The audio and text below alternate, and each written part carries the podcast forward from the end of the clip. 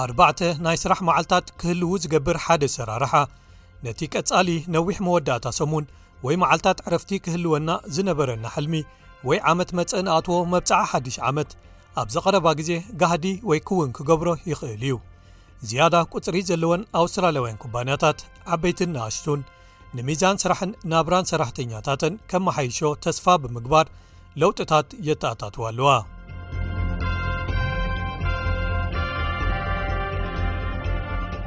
ኦወን ዊንሰር ኣብ ከተማ ሜልበን ሓንቲ መርበባት ሓበሬታ ተማዕብል ኩባንያ ንግዲ ይውንን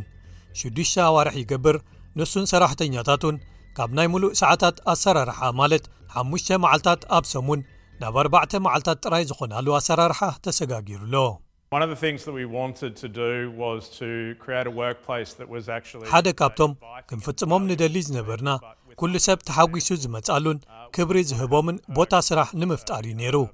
ግን ከኣ ክጭበጥ ዝከኣል ንሕና ከምዚ ሓለፋታት ዝበሃል ቁርሲ ወይ ክሽነ ኣይኮናን ክህልወና ንደሊ ዘለና ንሰራሕተኛታትና ትርጉም ዘለዎ ነገር ኢና ክንገብረሎም ደሊና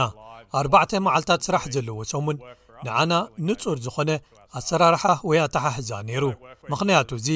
ንሰባት ሂወቶም ብሓቂ ክነብርሉ ግዜ ይህቦም እናስርሑልናን ምሳና ርክቦም እናቐፀሉን ሚስተር ዊንሰር ኣርባዕተ መዓልታት ዝሓዘ ናይ ስራሕ ሰሙን ንሰራሕተኛታት ዝያዳ ምትዕጽጻፍ ክህቦም እዩ ይብል። ሓደ ንጹር ዝኾነ ምዝናይ ኣይብሉን ኣነ ግን ሰባት ጽቡቕ እናተሰምዖም ኣብ ቤት ጽሕፈት ዝኾኑሉን ወይ ዝውዕሉሉን ኣብ ስራሕ ዝህልውሉን ነይሩ እዩ ንሕና ብተዛማዲ ንኣሽቱ ዕድመ ዘለዎም ሰባት ዘለውና ጋንታ ኢና ብዙሓት ሓደስቲ ወለዲ ዝኾኑ መንእሰያት እውን ኣለውና ስለዚ ሰባት ምስ ስድሮኦም ምስ ደቆም ግዜኦም ዘሕልፍሉ ብዙሕ ተወሳኺ ዕድል ከም ዘለዎም ተረዲእና ክልተ ብምኽንያት ወሊድ ንዕረፍቲ ከይዶም ዝነበሩ እሞ ዝተመልሱ ኣለውና ብቐጥታ ናብቲ ኣርባዕተ መዓልታት ዝሓዘ ሰሙን ይኣትዉ ኣለዉ ማለት እዩ። ምስ ከምኡ ዓይነት ምትዕጽጻፍ ናብ ሓይሊ ዕማም ተመሊሶም ክወሃሃዱ ክኽእሉ ንህይወቶም ኣዝዩ ዝቐለለ ገይርዎ ኣሎ። ኣባል ሰራሕተኛታት ሰማንያ ካብ ሚእቲ ናይቲ ግዜ እናሰርሑ እቲ ናይ ሚእቲ ካብ ሚእቲ ፍሩያምነቶም ክዕቅብዎ ትጽቢት ይግበረሎም። ኣብ ክፍሊቶም ዝግበር ዝኾነ ለውጢ የለን፣ እንተኾነ ግን እቲ ደሞዝ ከም ዘለዎ ሓደ ዓይነት ክንሱ እናበዝሐ ዝኸይድ ቁፅሪ ዘለዎም ሰራሕተኛታት ሕጂ እውን እንተኾነ ኣርባዕተ መዓልታት ስራሕ ኣብ ሰሙን ይመርፁ። ኣነ ኣርባዕተ መዓልታት ኣብ ሰሙን ሙሉእ ሰዓታት እየ ዝሰርሕ። ፅቡቕ እዩ ንዓይ። ሓደ መዓልቲ ንኹሉ ንኣሽቱ ስራሓት ኣብ ገዛ ዝፍፅመሉ ከ ኣለኒ። ተመሳሳሊ መጠን ዘለዎ ስራሕ ከኣ የሳልጥ ስለዚ ጽቡቕ እዩ ብዝለዓለ ክተኣታቶ ይጽውዕ። ሲምባዮት ነዚ ኣርባዕተ መዓልታት ስራሕ ሞዴል ከተግብር ዝፍትን ዘሎ ንግዳዊ ትካል ወይ ቢዝነስ እዩ ከም በዓል ቴሌስራ ሜዲባንክን ዩኒለቨርን ዝኣመሰሉ ዓበይቲ ትካላት ነዚ ሕጽር ዝበለ ናይ ስራሕ ሰሙን ድሮ ይምልከትዎ ኣለዉ ኣካያዲ ምምሕዳር ዩኒለቨር ካሜሩን ሂት ለበዳ ኮቪድ ዓሰርተ ትሽዓተ ነዚኦም ለውጥታት ክግበሩ ምኽንያት እዩ ይብል። ዝምድና ወይ ርክብ ሰባት ምስ ሽቕለቶምን ስርሖምን ይቕየር ከም ዘሎ ንፈልጥ ኢና፣ እዚ ለውጢ ኸኣ ብዝተዓጻጸፈ መጠኑ ኣብ ግዜ ለበዳ ኮቪድ ዓሰርተ ትሽዓተ ናህሪ ወሲኹ። ሰባት ሽዕኡ ስራሕ ንዕኦም ትርጉሙ እንታይ ምዃኑ፣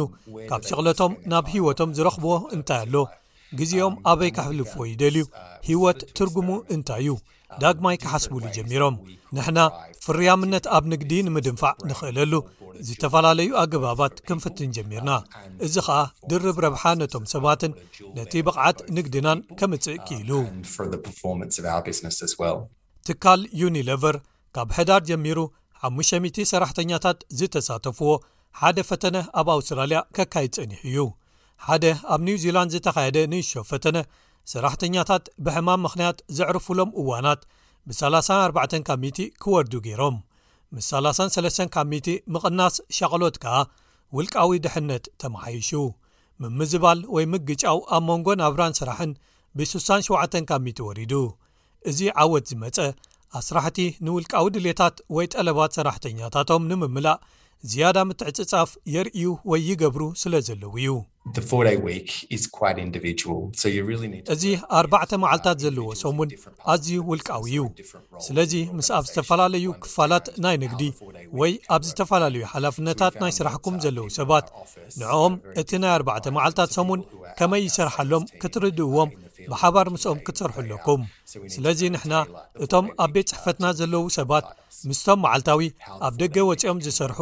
ኣብ ክፍሊ መሸጣ ዘለዉ ብምንጽጻር ኣዝዩ ዝተፈለየ ሕቶታት ወይ ድሌታት ከም ዝነበሮም ተረዲእና ስለዚ ምስ ዝተፈላለዩ ዓይነታት ስራሕ ከነጠዓዕሞ የድልየና እዩ ንኦወን ዊልሰንን ጉጅልኡን ግን። እዚ ክፍጸም ወይ ክትግበር ዝግብኦ ኣዝዩ ጠቓሚ እዩ። ኣነ ነዞም ለውጥታት ልዕሊ መጠን ክትሓስቡሎምን በቲ ሓደ ወገን እንታይ ክኸውን እዩ ኢልኩም ክትሻቐሉሎምን ትኽእሉ ኢኹም፣ እዚ ኸኣ ካብ ምትግባሮም ከትርፈኩም ይኽእል እዩ ኢለ ይሓስብ። ኣነ ነዚ ምትግባሩ ረብሓ ዘለዎ ወይ ዘርብሕ እዩ ኢለ እየ ዝሓስብ።